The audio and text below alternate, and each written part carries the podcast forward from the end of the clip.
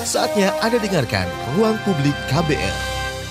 Selamat pagi, kita berjumpa kembali dalam ruang publik KBR dengan tema pagi hari ini mengenal ekonomi solidaritas sosial dan perannya dalam meningkatkan kehidupan masyarakat bersama saya Don Brady. Saudara berbagai upaya untuk mencapai 17 tujuan pembangunan berkelanjutan atau Sustainable Development Goals SDGs terus dilakukan. Tujuan ini meliputi pengentasan kemiskinan, promosi pekerjaan yang layak, keamanan pangan, kesetaraan gender, perawatan kesehatan untuk semua, dan produksi dan konsumsi berkelanjutan. Untuk mewujudkan ini ada berbagai inisiatif yang dilakukan pemerintah dan kelompok masyarakat sipil dan melibatkan komunitas lokal. Belum lama ini Institute for Women Empowerment atau AWI berkolaborasi bersama dengan beberapa organisasi dan komunitas lokal merekam praktik dan pengalaman dalam pengembangan inisiatif kegiatan ekonomi berbasis pada pendekatan sosial solidaritas ekonomi atau ekonomi solidaritas sosial IW melihat pendekatan ekonomi ini dilihat eh, bisa berkontribusi pada pencapaian beberapa poin SDGs tersebut. Sebenarnya apa yang dimaksud dengan ekonomi solidaritas sosial dan seperti apa perannya dalam meningkatkan kehidupan masyarakat? Untuk membahas hal ini telah hadir di studio KBR Risma Umar dari Institute for Women Empowerment atau IW. Oke,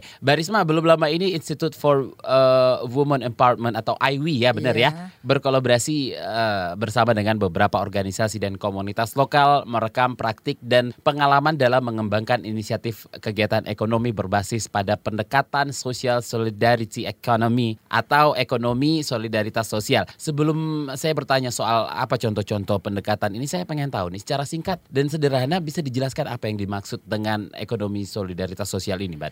Iya, jadi sebetulnya ekonomi solidaritas sosial atau solidarity ekonomi ini adalah satu pendekatan ekonomi yang ber berbasis pada masyarakat hmm. atau berbasis pada rakyat. Memang orientasinya adalah bagaimana ekonomi yang ada di sekitar masyarakat itu bisa digunakan atau dimanfaatkan untuk keberlanjutan baik secara sosial, baik secara lingkungan maupun kemampuan warga untuk mempertahankan sistem ekonomi yang dia miliki. Nah, sebetulnya social solidarity ekonomi ini satu pendekatan sekaligus kritik terhadap uh, pola pembangunan yang memang berorientasi pada ekonomi makro saja dan mengabaikan ekonomi mikro yang sebetulnya itu daya kekuatannya itu dimiliki oleh rakyat. Kalau di di Indonesia sebetulnya ekonomi solidarity ini uh, dulu sudah ada yang kita sebut dengan ekonomi bergotong royong atau ekonomi Pancasila. Nah, ini di beberapa justru di beberapa negara Eropa bahkan negara-negara di negara-negara Asia mencoba mengembalikan ekonomi yang berbasis sosial, bukan ekonomi ekonomi yang berorientasi pada pasar atau ekonomi yang yang berorientasi pada makro. Nah, dengan demikian maka esensi dari ekonomi yang dikembangkan oleh komunitas itu bisa dipulihkan, bisa dikembalikan. Hmm. Pendekatan ini bukan baru ya sebetulnya di Indonesia. Di Orde Baru maupun sebelumnya itu ekonomi ini dipakai untuk mengkritik sebetulnya sistem pembangunan yang ada di Indonesia yang model orientasinya adalah modal, hmm. pasar. Nah, dengan begitu kami sebetulnya berkeyakinan bahwa bagaimana pendekatan ekonomi solidaritas ini uh, mampu me membangun atau mengembalikan kekuatan daya ekonomi masyarakat di tengah berbagai macam krisis, termasuk adalah krisis lingkungan, krisis ekonomi yang di mana masyarakat tidak lagi punya daya lenting menghadapi kekuatan uh, pasar gitu ya. Nah karena itu buat kami dan ini juga uh, diskursus beberapa uh, akademisi di Indonesia bahwa memang saatnya kita mengembalikan ekonomi berbasis sosial. Oke, Mbak Risma, apakah pendekatan ini tanpa kita sadari namanya ya apa tapi sudah diterapkan di masyarakat? Tadi Mbak Risma juga bilang ini sebenarnya sudah lama. Oh iya, Indonesia itu dikenal dengan ekonomi berbasis komunitas atau biasanya juga in, di, di akademisi di perdebatan pun disebut dengan ekonomi gotong royong. Ekonomi gotong royong. Ekonomi gotong royong. Itu yang lebih familiar. Itu lebih familiar. Mm -hmm. Dan ekonomi gotong royong itu artinya ekonomi yang berbasis solidaritas. Dan ekonomi gotong royong ini ekonomi yang sebetulnya memastikan sustainability ekonomi mikro hmm. sekaligus adalah daya dukung sosial yang dimiliki oleh masyarakat itu sendiri. Nah, sayangnya ketika beberapa kebijakan pembangunan yang memang berorientasi pada pasar makro makro mengakibatkan ekonomi mikro atau ekonomi yang berbasis sosial itu mulai hilang. Hmm. Nah, mencoba untuk dipulihkan, dikembalikan. Nah, bahkan yang aneh menurut saya adalah justru negara-negara Eropa yang mulai melihat ini. Ketika terjadi krisis ekonomi di belantara dunia ini, maka salah satu solusi adalah bagaimana mengembalikan solidaritas ekonomi yang berbasis pada kekuatan rakyat. Jadi, intinya sebetulnya ekonomi solidaritas ini sebetulnya sudah ada. Sudah ada ya. Bahkan pondasi di Indonesia Indonesia sebetulnya kuat. Oke, tujuan dari pengembangan sistem ekonomi ini apa nih, Mbak Risma? Jadi yang pertama adalah memastikan keberlanjutan lingkungan. Keberlanjutan lingkungan, oke. Karena kita sadar bahwa e, mengeksploitasi sumber daya alam dan lingkungan itu berlebihan akan menimbulkan kerusakan-kerusakan pada lingkungan itu sendiri bahkan pada ekonomi aktivitas ekonomi. Jadi pendekatan sosial solidarity ekonomi itu memastikan bahwa lingkungan alam terjaga. Hmm. Artinya kalau kita tahu bahwa lingkungan alam terjaga, maka pendekatan aktivitas pembangunan itu memastikan bahwa sustainability lingkungan itu terpelihara. Itu syarat. Jadi syarat ekonomi solidaritas eh, sosial itu adalah kegiatan ekonominya tidak bertentangan dengan upaya memastikan keberlanjutan lingkungan. Oke. Yang kedua adalah memastikan bahwa kendali usaha, kendali kegiatan ekonomi itu di tangan rakyat. Artinya bahwa mulai dari proses produksi, distribusi, konsumsi sampai pemasaran itu rakyat yang punya kontrol, masyarakat yang punya kontrol. Mulai dari hulu sampai hilir. Jadi ketika dia memproduksi pertanian misalnya, mulai dari input produksi sampai proses produksi sampai pemasaran bahkan pada level konsumsi dan kontrol pasar itu ada di rakyat. Artinya ada di masyarakat. Ya. Jadi sebetulnya memotong middleman, memotong calok-calok yang selama ini justru pendapatan atau biaya uh, dia yang dikeluarkan dalam proses produksi itu atau proses distribusi itu dikendalikan oleh masyarakat sendiri, termasuk penentuan harga. Jadi artinya bahwa syarat ekonomi solidaritas itu otoritas uh, terhadap proses produksi sampai pada pengendalian pasar itu dikendalikan oleh masyarakat. Oke, jadi bisa dibilang nilai-nilai yang uh, ada dan yang diusung sistem ekonomi ini adalah Nilai demokrasi. nilai demokrasi. Yes, nilai demokrasi, nilai demokrasi, nilai solidaritas, Mhm. nilai eh, menjaga lingkungan, nilai good governance. Hmm. Jadi untuk memastikan bahwa proses demokrasi ekonomi yang dibangun oleh komunitas atau masyarakat itu ditentukan dari dari sejauh mana good governance yang dibangun di dalam komunitas itu sendiri. Oke. Contoh kecil dalam penentuan uh, proses produksi. Selama ini input-input itu dari luar. Dari luar artinya bisa dari luar negeri, bisa dipasok dari mana-mana. Tapi input ini dipasok atau disediakan oleh aset atau sumber daya lokal yang ada di komunitas itu sendiri. Nah, bagaimana jejaring produksi ini dikembangkan oleh komunitas itu? Ini cara untuk memastikan bahwa bahwa aset atau sumber produksi itu benar-benar tersedia di level komunitas. Oke, nah untuk mencapai tujuan ini Mbak Risma, apa saja hal-hal yang diperlukan dan langkah seperti apa yang harus dilakukan? Pertama harus memahami filosofinya ya. Oke. Karena ekonomi ini selalu berorientasi pada penumpukan modal atau selalu berorientasi pada monopoli atau pengumpulan untung. Kan kegiatan ekonomi selalu begitu. Eh, ekonomi solidaritas ini memastikan bahwa untung-untung. Untung-untung artinya karena memang orientasinya bersolidaritas. Nah, untuk memas demokrasi bisa diterapkan dalam tata good governance, tetapi membangun mindset bahwa ekonomi ini adalah dibangun untuk kepentingan eh, berbagi, untuk kepentingan kesejahteraan dan bukan untuk kepentingan monopoli kelompok tertentu maka syarat nilai solidaritas itu yang menjadi standar. Nilai solidaritas itu ukurannya. Jadi ketika sesama katakanlah di di pertanian, proses produksi itu memang dipastikan bahwa komunitas yang ada di situ saling support soal bagaimana mendapatkan uh, alat-alat produksi termasuk tanah, bibit uh, dan seterusnya. Dan tidak ada proses di antara mereka jejaring pasarnya itu ada yang monopoli. Oke. Nah, Standarnya itu harus dibangun. Oke, jadi yang jadi pelaku dari pendekatan ekonomi ini adalah masyarakat, Masyarakat. ya. Masyarakat yang seperti apa, Mbak Risma? Ya masyarakat di level mana aja, masyarakat eh, urban, masyarakat di pedesaan, masyarakat yang memang terbiasa dengan orientasinya itu bukan market bisnis, bukan bisnis makro. Karena kapan dia berorientasi makro, maka eh, solidaritasnya itu menjadi hilang. Oke. Jadi masyarakat-masyarakat yang selama ini sebetulnya adalah memiliki kemampuan, skill yang baik, uh, modal sumber daya yang tersedia dan uh, artinya bahwa dengan begitu mindset mereka bukan dari bukan produksinya itu atau pemasaran itu bukan dari luar. Dari luar itu artinya di luar komunitasnya, tetapi yang tersedia yang ada dalam komunitas itu sendiri. Hmm, jadi uh, semua level masyarakat ya. Semua level masyarakat di perkotaan juga bisa. Di perkotaan juga bisa ya. Sudah sampai mana masyarakat kita menyadari akan hal ini, Mbak Risma? Memang tidak mudah ya. Eh, pengalaman saya mencoba memperkenalkan sekaligus mempraktekkan dan mengidentifikasi mm -hmm. ada nggak modal sosial yang dimiliki oleh masyarakat untuk mengembangkan praktik ini. Yeah. Nah, ternyata setelah kami mengkaji dan meneliti, Indonesia sebetulnya ciri khasnya sebetulnya ekonomi solidaritas. Gotong royong tadi ya. ya. Gotong royong karakter masyarakatnya. Yeah. Nah, memang sudah sekian lama masyarakat Indonesia itu didoktrin bahwa ekonomi kita adalah pasar. Didoktrin ekonomi kita adalah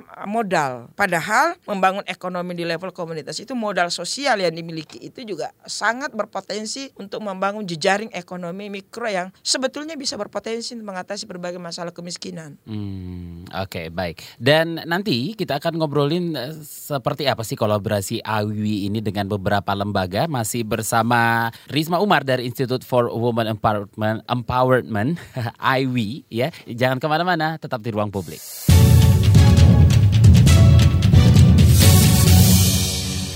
Anda masih mendengarkan Ruang Publik KBR bersama saya Don Brady dengan tema pagi hari ini mengenal ekonomi solidaritas sosial dan perannya dalam meningkatkan kehidupan masyarakat. Dan pagi ini saya masih bersama Risma Umar dari Institute for Women Empowerment atau IWI. Balik lagi ngobrolin soal IWI ini.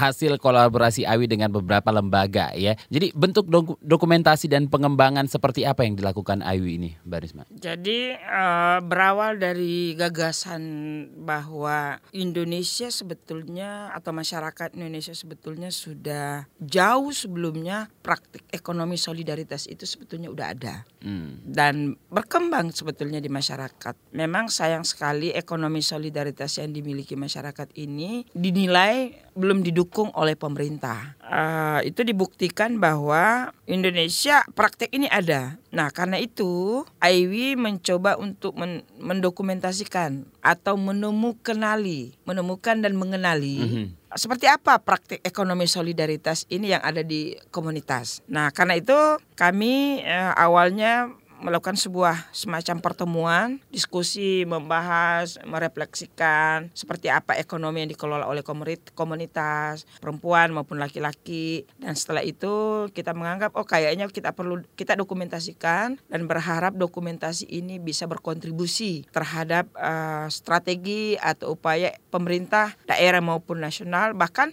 di level ASEAN untuk mengatakan bahwa membangun ekonomi itu perlu memperhatikan uh, potensi atau kemampuan lokal yang dimiliki oleh masyarakat. Akhirnya dilakukanlah sebuah pendoku, proses pendokumentasian dengan melibatkan tiga organisasi dan tiga komunitas dengan keragaman yang mereka miliki satu di Jawa Barat di Jawa Barat ini sebetulnya komunitas yang berbasis pesantren yang namanya di apa namanya di Garut pesantren Atarik yang memang ekonomi yang model ekonomi yang dibangun itu berpusat pada masyarakat dan orientasinya adalah memproteksi ekologi Kemudian kami memilih satu lagi yang ada di Jawa Timur, uh, di Kota Malang. Teman-teman yang ada di Kota Malang itu adalah komunitas pekerja rumahan. Komunitas pekerja rumahan ini mereka sebetulnya selain mereka bekerja sebagai pekerja, sebagai pekerja dengan uh, sistem yang belum diakui oleh negara pekerja rumahan ini, juga sebetulnya mereka punya potensi mengembangkan ekonomi dengan pola jaringan mereka sebagai sebagai pekerja dan itu banyak banget. Yang ketiga adalah memilih jaringan komunitas uh, ini satu komunitas ekonomi yang komunitas yang mengembangkan ekonomi juga berorientasi untuk menjaga alam sekaligus ingin mereka buktikan bahwa kami mampu uh, menghasilkan surplus pangan, tetapi juga kami memastikan bahwa ekonomi kami yang ada di kampung itu terkelola dengan baik. Okay. Dan uh, tiga komunitas itu telah kami dokumentasikan dan mengecek apakah praktik ekonomi yang mereka bangun itu inline dengan prinsip social solidarity. Ternyata jauh dari prediksi kami karena kenapa begitu? Karena memang komunitas ini filosofinya sebetulnya udah ada. Artinya nilai yang mereka pakai, yang mereka terapkan, yang mereka apa formalkan dalam komunitas organisasi mereka itu sebetulnya sudah nilai social solidarity ekonomi. Mulai dari good governance mereka. Oke. Jadi yang saya bilang tadi good governance dalam dalam membangun ekonomi itu sangat penting untuk memastikan tata kelola demokrasi itu dipraktekkan oleh komunitas. Jadi tidak hanya negara, tidak hanya swasta, tetapi komunitas pun di dalam berkomunitas itu juga tata kelola demokrasi, tata kelola manajemen mereka dalam mengembangkan ekonomi itu nampak mulai dari proses produksinya sampai pada level pemasarannya. Mereka dulu hanya punya uang nggak sampai 10 jutaan, tapi sekarang yang terjadi hampir satu miliar. Yang uang yang mereka kumpulkan kelola dari proses produksi sampai pemasaran sampai distribusi. Mereka udah menjual, mereka udah punya tanah sendiri, mereka udah menanam berbagai macam tanaman, mereka udah me- mencoba untuk mengumpulkan sekian ribu bibit, kemudian mereka mekanisme pertanian pupuk benih mereka tidak pakai yang kimia dan menghasilkan pro- hasil produksi yang cukup baik. Hasil produksinya mereka kelola, dikelola secara kelompok dengan sistem manajemen yang demokratis tadi. Ah, mereka berbagi peran, berbagi tugas, ada tata nilai di dalam mengelola itu. Mereka membangun jaringan antar jaringan pasar, antar komunitas, bahkan antar kampung. Kemudian mereka uh, menciptakan pengetahuan-pengetahuan baru dan orang pemerintah bahkan kampus itu datang ke tempat mereka belajar bagaimana mereka ngelola pertanian mereka itu secara alami bebas dari kimia, tapi juga menghasilkan hasil produksi yang maksimal. Oke. Sekaligus mendorong kepercayaan di antara komunitas itu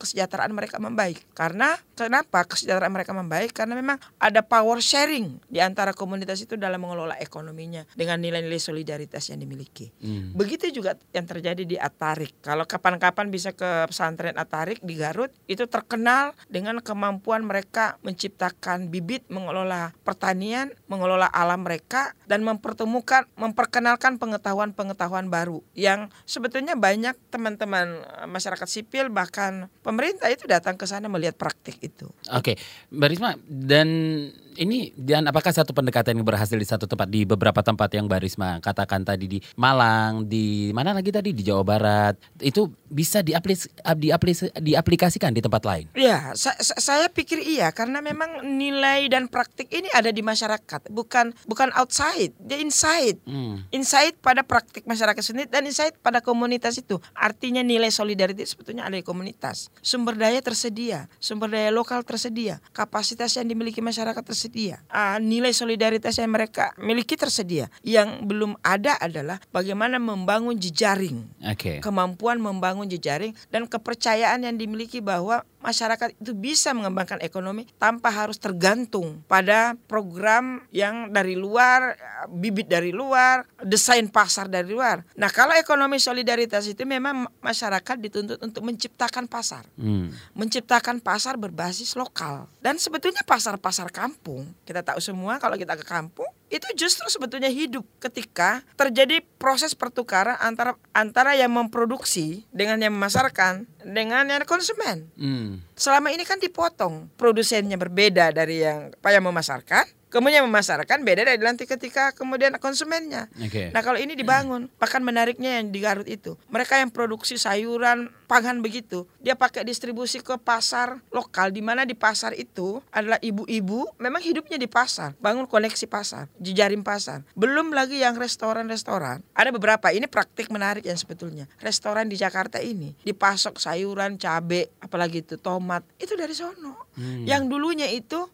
calo semua, bahkan calonya itu bukan dari itu ya? potong-potongnya itu. Jadi ini sebetulnya memotong rantai Oke. monopoli pasar yang biasanya dike- dikendalikan oleh orang yang punya modal. Oke. Petani Ya. tidak bisa sejahtera karena Mhm. memang penghasilan mereka lebih tinggi biaya produksi daripada pendapatan. Hmm, Oke, jadi bisa dikatakan dalam kondisi masyarakat seperti apa atau komunitas seperti apa ini Mbak Risma pendekatan ekonomi ini bisa di- di- di- diterapkan? Apakah memang pasarnya sudah tersedia atau komunitasnya itu sendiri sudah bertahan lama? Seperti apa? Mbak Risma? Ah, sebetulnya eh, karakteristiknya macam-macam ya. Ya. Tapi ada juga masyarakat yang memang berada dalam kondisi apa ya ah, tak berdaya. Tidak Oke. berdaya itu karena tidak punya alat produksi, tidak punya modal, bahkan buruh tani atau buruh buruh buruh di pertanian. Bahkan lingkungan alam sekitarnya pun juga apa ya mulai kering. Hmm.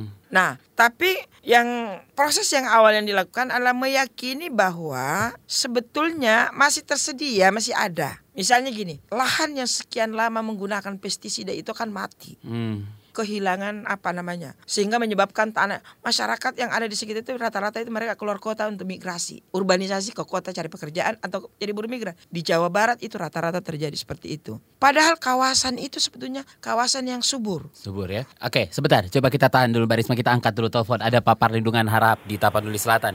Selamat pagi Pak Parlindungan silakan. Selamat pagi Bapak. Iya.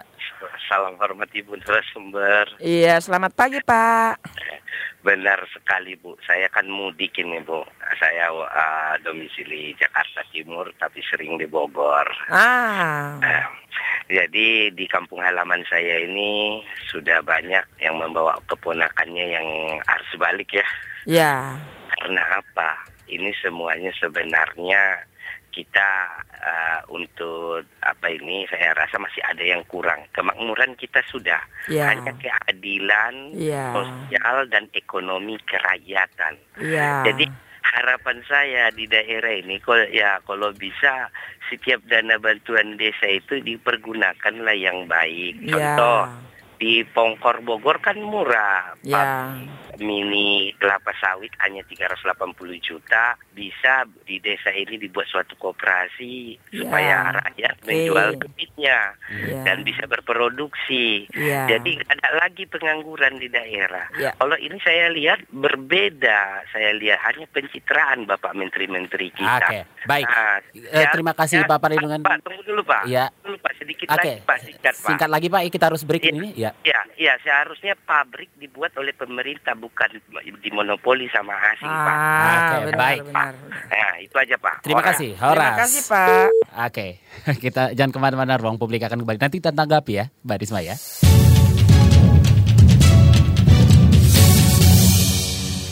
Anda masih mendengarkan Ruang Publik KBR bersama saya Don Brady dengan tema pagi hari ini mengenal ekonomi solidaritas sosial dan perannya dalam meningkatkan kehidupan masyarakat. Dan saya masih bersama Risma Umar Institute for Women Empowerment atau dari IWI. Oke Mbak Risma sebelum kita menanggapi pernyataan dari Pak Parlindungan Harahap di Tapanuli Selatan, kita angkat dulu ada Pak Herman di Sintang. Pak Herman, selamat pagi.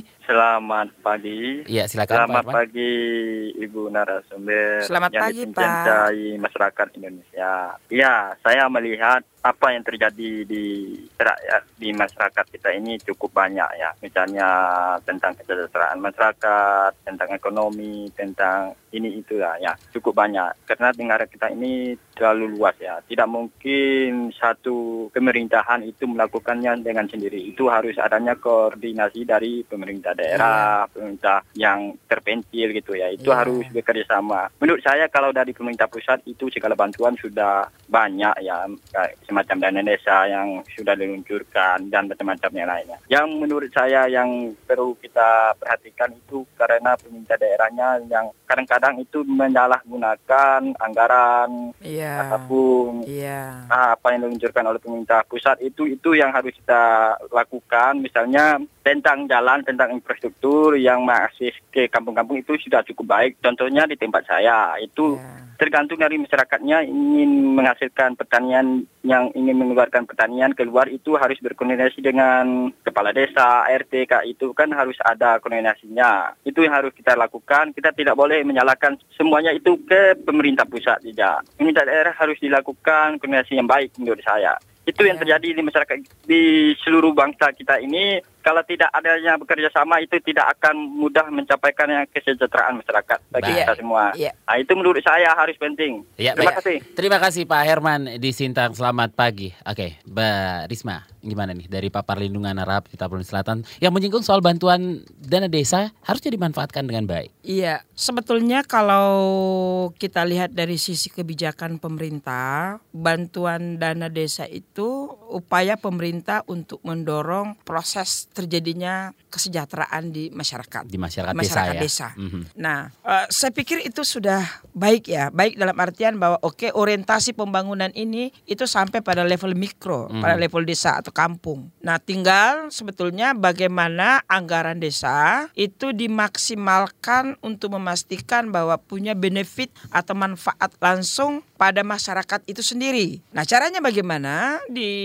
level desa kan biasanya ada ada rapat desa, ada program desa atau perencanaan yang dibangun di level desa. Nah, mestinya perencanaan yang dibangun di level desa lewat anggaran desa tadi itu harus atau penting memastikan inline dengan model ekonomi seperti apa, kesejahteraan seperti apa yang dibangun di desa itu. Karena itu pendekatan sosial solidarity itu penting diterjemahkan ke dalam program-program yang didesain oleh uh, desa itu sendiri. Misalnya saja pendekatan sosial solidarity ekonomi seperti apa di dalam sektor pertanian. Kemudian di sektor kelautan karena ada juga desa yang yang uh, apa memiliki basis uh, sumber sumber daya laut atau di di hutan. Nah, dengan cara adalah mengenali betul bahwa potensi yang dimiliki desa itu yang kemudian yang kedua adalah bagaimana partisipasi di level warga. Nah, misalnya melihat bahwa pertanian yang ada di desa itu di level produksinya seperti apa ditata. Kemudian masyarakat bagaimana dia terlibat untuk menentukan jenis bibit, pupuk. Sekarang kalau bisa di desa diupayakan untuk tidak lagi menggunakan pupuk kimia. Karena sebetulnya pupuk atau apalah namanya kalau di macam-macam kampung itu itu tersedia kok di di di desa. Buktinya ya, kalau mau belajar soal ini bisa ke Bulukumba Sulawesi Selatan. Mereka membuat produksi pertanian dan sekarang ini didukung oleh dana desa dari pemerintah, kerjasama malah dengan dengan pemerintah desa. Mereka membuat produksi pertanian itu bibitnya, kemudian pupuknya itu dari alami, semua alami. Jadi menekan biaya produksi, dana anggaran itu diupayakan untuk ditekan biaya produksinya, anggaran desa tadi, tetapi mendorong maksimal penghasilan dari warga. Nah, yang menarik di sana adalah dana anggaran desa itu dikolaborasikan dengan komunitas masyarakat, sehingga apa yang diprogramkan oleh masyarakat itu inline dengan program yang ada di desa. Nah, dana desa kemudian diperluas apa jangkauannya ke komunitas-komunitas yang lain. Dengan begitu maka sebetulnya dana desa bisa efektif. Belum lagi di desa ada namanya BUMDes. Hmm. Nah, BUMDes itu kan sebetulnya ingin melihat potensi ekonomi apa yang dimiliki oleh desa itu. Masyarakat mengelolanya, masyarakat bisa mendapatkan manfaat dari BUMDes itu sendiri. Usaha mikro yang dikelola oleh masyarakat itu terbukti sebetulnya di Bulukumba itu bisa uh, mereka memproduksi hasil pertanian dan mengelola beras. Ini beras yang dikelola oleh komunitas sebagai badan usaha di komunitas itu sendiri yang diakui atau dibangun kerjasamanya dengan pemerintah desa. Begitu juga yang ada di Garut. Artinya tantangannya sekarang adalah bagaimana pemerintah desa di level kabupaten, di level desa membangun trust atau masyarakat juga membangun trust kepada pemerintah untuk sama-sama membuat partnership ya Hmm. dengan sistem good governance. Oke. Ya, saya kira itu. Partnership seperti yang disinggung oleh Pak Herman di Sintang yang Iya, betul. menyinggung soal kalau tidak ada kerjasama tidak bisa mencapai tidak bisa, kesejahteraan. Tidak bisa.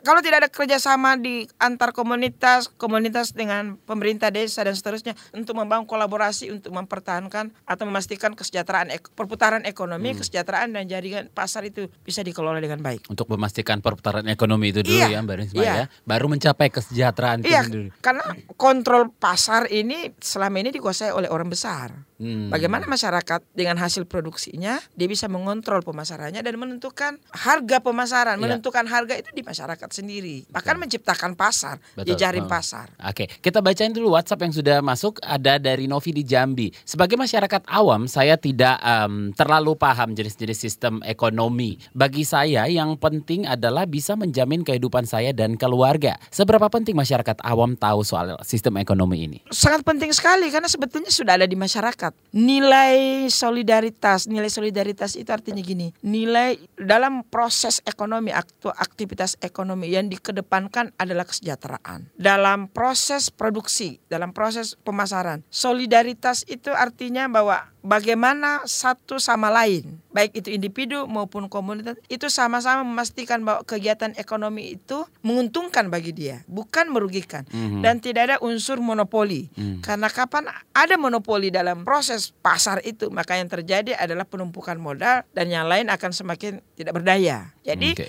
kalau membangun kalau mau praktek ekonomi solidaritas sebetulnya ada di kampung. Dan itu sebetulnya yang ibu yang ada di Jambi, saya yakin sudah dipraktekkan. Oke, Taufik di Aceh. Terus terang saya baru tahu nama ekonomi solidari- solidaritas. Tapi kalau dengar contoh-contoh yang diberikan narasumber, ternyata penerapannya di Indonesia sudah banyak juga. Iya benar, kita sudah memiliki apa ekonomi gotong royong. Sudah banyak tapi belum ada yang sadar nih. Nah, pertanyaannya adalah karena ini dianggap biasa-biasa saja, padahal orang-orang Eropa, orang dari luar sana justru belajar ekonomi solidaritas yang kita praktekkan. Kemudian mereka mendesainnya menjadi sebuah konsep baru eh, dalam ekonomi. Padahal Indonesia sebetulnya sudah praktekkan. Oke. Ya, bahkan sebetulnya di era Jokowi ini mencoba mengadopsi model ini dengan tidak menyebut namanya. Misalnya dengan pendekatan ekonomi kerakyatan. Hmm, itu sering ya Ah, kita sering. denger ya. Cuman kadang kalau ekonomi kerakyatan seakan-akan terlalu makro. Oke. Tapi di terlalu besar ya. Terlalu besar. Tapi di level bawah kadang di- tidak dilihat, tidak direkam, tidak diungkap, tidak di- dikeluarkan sebagai pengetahuan, sebagai pembelajaran. Mhm. Nah, ini tantangan kita. Gimana mengeluarkan praktek itu sebagai pembelajaran dan bahkan dilindungi dan diakui oleh negara. Oke, dari Nanang di Surabaya, kalau peran pemerintah dalam sistem ekonomi ini ada atau tidak? Ada, karena tanpa perlindungan pemerintah sulit menghadapi gencaran kekuatan pasar dari luar. Ini sekarang ASEAN dibuka, eh, G2G dibuka, Hmm. apalagi Eropa juga sudah masuk ke Indonesia. Nah kalau tidak ada gerakan memproteksi sosial solidarity yang dimiliki warga ini kita akan lama kelamaan terguras oleh kepentingan mereka. Nah pendekatan sosial solidarity ini sebetulnya cara untuk memproteksi itu. Jadi mengembalikan kekuatan ekonomi itu di tangan rakyat. Oke, em, masih ada beberapa WhatsApp yang harus kita bacakan, tapi kita harus break lagi nih, Boleh. Mbak Risma ya. Jangan ke mana-mana, ruang publik akan kembali. Terima kasih. Anda masih mendengarkan Ru- Ruang Publik KBR bersama saya Don Brady dan kita sudah ada di segmen terakhir dengan tema pagi hari ini mengenal ekonomi solidaritas sosial dan perannya dalam meningkatkan kehidupan masyarakat. Saya masih bersama Risma Umar dari Institute for Women Empowerment IW. Mbak Risma ini masih ada beberapa WhatsApp yang harus kita bacakan lagi dari em, oke dari Dewi di Padang. Koperasi itu masuk gak sih dalam sistem ekonomi solidaritas ini? Ya, jadi eh, social solidarity itu mensyaratkan adanya institusi ekonomi. Nah, institusi ekonomi adalah salah satunya adalah koperasi. Jadi eh, di komunitas yang mengembangkan ekonomi ini memang dia perlu menata lembaga keuangan ekonominya yang kita sebut koperasi. Koperasi model komunitas. Kayak di Bulukumba itu pendapatan dari biaya produksi to- eh, komunitasnya itu anggotanya sudah itu sudah hampir 500-an dan modal yang tersimpan itu mendekati satu miliar Oke. di komunitas. Komunitas. Baru 2-3 tahun, tiga tahunan lah kayaknya. Oke, ini ada dari em, Ningki di Jakarta. Apa saja sistem ekonomi yang cocok diterapkan di Indonesia? Apakah ekonomi solidaritas ini satu-satunya yang cocok? Kak, ah, ini perdebatan panjang, ini konsepnya panjang, ini ahli ekonomi. Eh. Tapi kalau menurut saya memang saatnya Indonesia kembali ke ekonomi gotong royong atau ekonomi Pancasila. Mhm. Dalam bahasa sehari-hari yang kita sebutnya ekonomi solidaritas. Karena ekonomi Pancasila atau ekonomi gotong royong ini lebih mendekati uh, nilai-nilai solidaritasnya dibanding dengan ekonomi praktik ekonomi yang selama ini dipakai oleh negara orientasi poli, ekonomi politiknya lebih cenderung ke pasar bebas. Oke, dari Tri di Jakarta, apakah UMKM masuk ke dalam bentuk ekonomi solidaritas? Nah, sebetulnya kalau dijalankan dengan good governance yang baik, saya kira itu bagian. Bagian, Karena ya? Pak praktiknya di Jawa Timur, hasil-hasil produksi handicraft oleh komunitas itu dikolaborasikan dengan pemerintah setempat masuk ke dalam barang yang mereka sebarkan di UKM. Nah, tapi tantangannya adalah bagaimana tata kelola manajemennya sehingga masyarakat itu yang mereka sadar bahwa yang prinsipnya tadi bahwa dia punya kontrol itu benar-benar dipastikan di dalam sistem UKM. Karena UKM masih menggunakan sistem yang sebetulnya kurang melibatkan partisipasi masyarakat dari hulu. Dari hulu itu artinya dari level produksi, hanya pada level pemasaran saja. Jadi masyarakat itu hanya sebagai pemasok, bukan sebagai penentu dari proses pasar yang dibangun di UKM. Nah, menurut saya ya tinggal diperbaiki sistem tata kelolanya, tapi UKM itu adalah salah satu praktek ekonomi solidaritas. Oke, Mbak Risma, Ayu ini kan menyebutkan pendekatan ekonomi solidaritas sosial ini bisa berkontribusi mencapai tujuan-tujuan pembangunan berkelanjutan, mulai dari pengentasan kemiskinan, Iya. ya, terus juga Uh, uh, promosi pekerjaan yang layak, Iya. keamanan pangan, Iya. kesetaraan gender, ke gender, perawatan kesehatan untuk semua dan produksi dan konsumsi berkelanjutan. Iya. Oke, pertanyaannya adalah seperti apa pencapaian ini di Indonesia? Berhasil? untuk misalnya tidak mudah ya ini Indonesia itu bicaranya luas, Luas, dan ya. negara gitu ya. Iya. Tapi saya hanya mau mengam, karena tugas kami sebetulnya merekam uh, praktik-praktik mikro dulu. Dan karena gini, praktik-praktik mikro, mikro ini kan model atau contoh-contoh yang kita ingin katakan kepada pemerintah desa, pemerintah kabupaten bahwa ada loh praktek ekonomi dengan pendekatan social solidarity itu yang dibangun oleh masyarakat bisa mengatasi kemiskinan. Hmm. Buktinya ketahanan atau keberlanjutan pangan, produksi dan konsumsi pangan mereka itu mereka kendalikan. Artinya bisa mengatasi kelaparan. Yang kedua adalah partisipasi masyarakat dalam pengambilan keputusan. Kemudian bisa juga kita lihat bagaimana peran perempuan di dalam mengelola ekonomi ini mulai produksi sampai distribusi. Itu mereka yang justru aktif sekitar 70% kegiatan ekonomi ini. Nah, prinsip-prinsip seperti itu sebetulnya yang ada di level mikro kalau dikelola dengan baik, kalau di, dilindungi oleh negara, kita meyakini ini bisa mengatasi berbagai problem kemiskinan yang ada di Indonesia. Bahkan upaya untuk mendorong pengakuan SDGs itu eh, pengakuan terhadap bahwa program ini bisa menurunkan kemiskinan itu sedang didorong di level regional, terutama di ASEAN. Jadi SDGs, jadi ini Social Solidarity Economy ini sebetulnya sudah diakui oleh PBB dan uh, PBB membentuk yang namanya ini kalau bicara tingkat internasional uh, satu komisi khusus untuk memastikan bahwa bagaimana pendekatan Social Solidarity itu inline dengan program SDGs dalam berapa ya? 8 atau 10 12 itu tugasnya pemerintah sebetulnya. Nah tugas kami di level mikro tugas kita semua masyarakat mm-hmm. bagaimana nyambungkan praktik sosial solidarity ekonomi ini di level program desa mm. program kabupaten jadi bukan hanya konsep tetapi juga praktik itu praktik di level ekonomi maupun program di level desa itu nyambung Oke, okay. nah Ayu sendiri dalam uh, kerja kerjanya hanya melakukan pendokumentasian atau juga ikut melakukan pendampingan secara aktif di lapangan, Mbak? Ya, uh, kami, saya uh, terlibat di dalam uh, mendesain. Uh, pelakunya adalah masyarakat, tapi Ayu itu hanya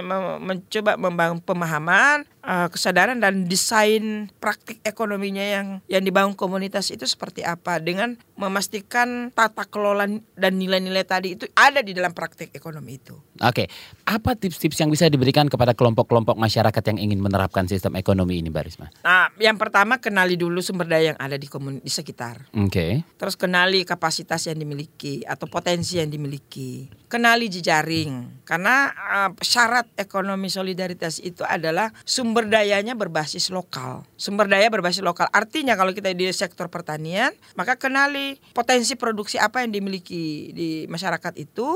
Yang kedua adalah kenali juga keahlian atau kapasitas yang ada dimiliki masyarakat dan jejaringnya. Jadi sebetulnya tidak sulit untuk mempraktekkan uh, ekonomi solidaritas. Tinggal bagaimana tantangannya sebetulnya cuma satu, bagaimana bersolidaritas. Hmm.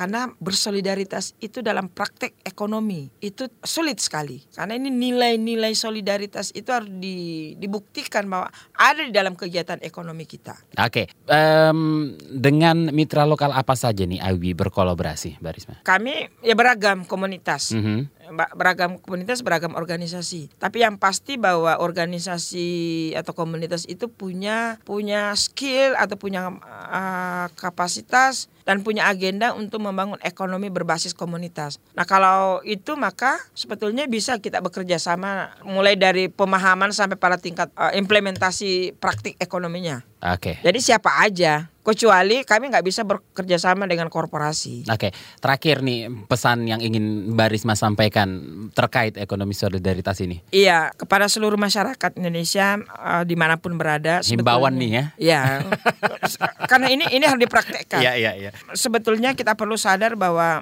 membangun kesejahteraan itu tidak jauh-jauh. Sebetulnya kenali apa yang ada di sekitar kita dan sumber daya yang ada di kampung kita, di desa kita, di daerah kita. Karena dengan dengan begitu maka ekonomi yang kita bangun itu adalah ekonomi yang memang muaranya atau orientasinya adalah bagaimana mensejahterakan, bukan untuk uh, memperkaya diri sendiri atau bukan untuk mengumpulkan modal atau bukan uh, untuk mem memperluas jaringan pasar lebih gede, tapi yang paling penting adalah buktikan bahwa kalau bukan dari sekarang kita mempertahankan ekonomi lokal atau sumber daya lokal yang kita miliki, maka kita akan tergusur oleh masifnya apa uh, kekuatan ekonomi pasar yang akan masuk ke Indonesia. Baik. Itu saja dari saya. Terima Baik. kasih. Risma Umar Institute for Women Empowerment atau IWI. Terima kasih Mbak Risma. Terima kasih banyak sudah mengundang saya ke sini. Semangat terus ya, Mbak ya. Semangat. Oke.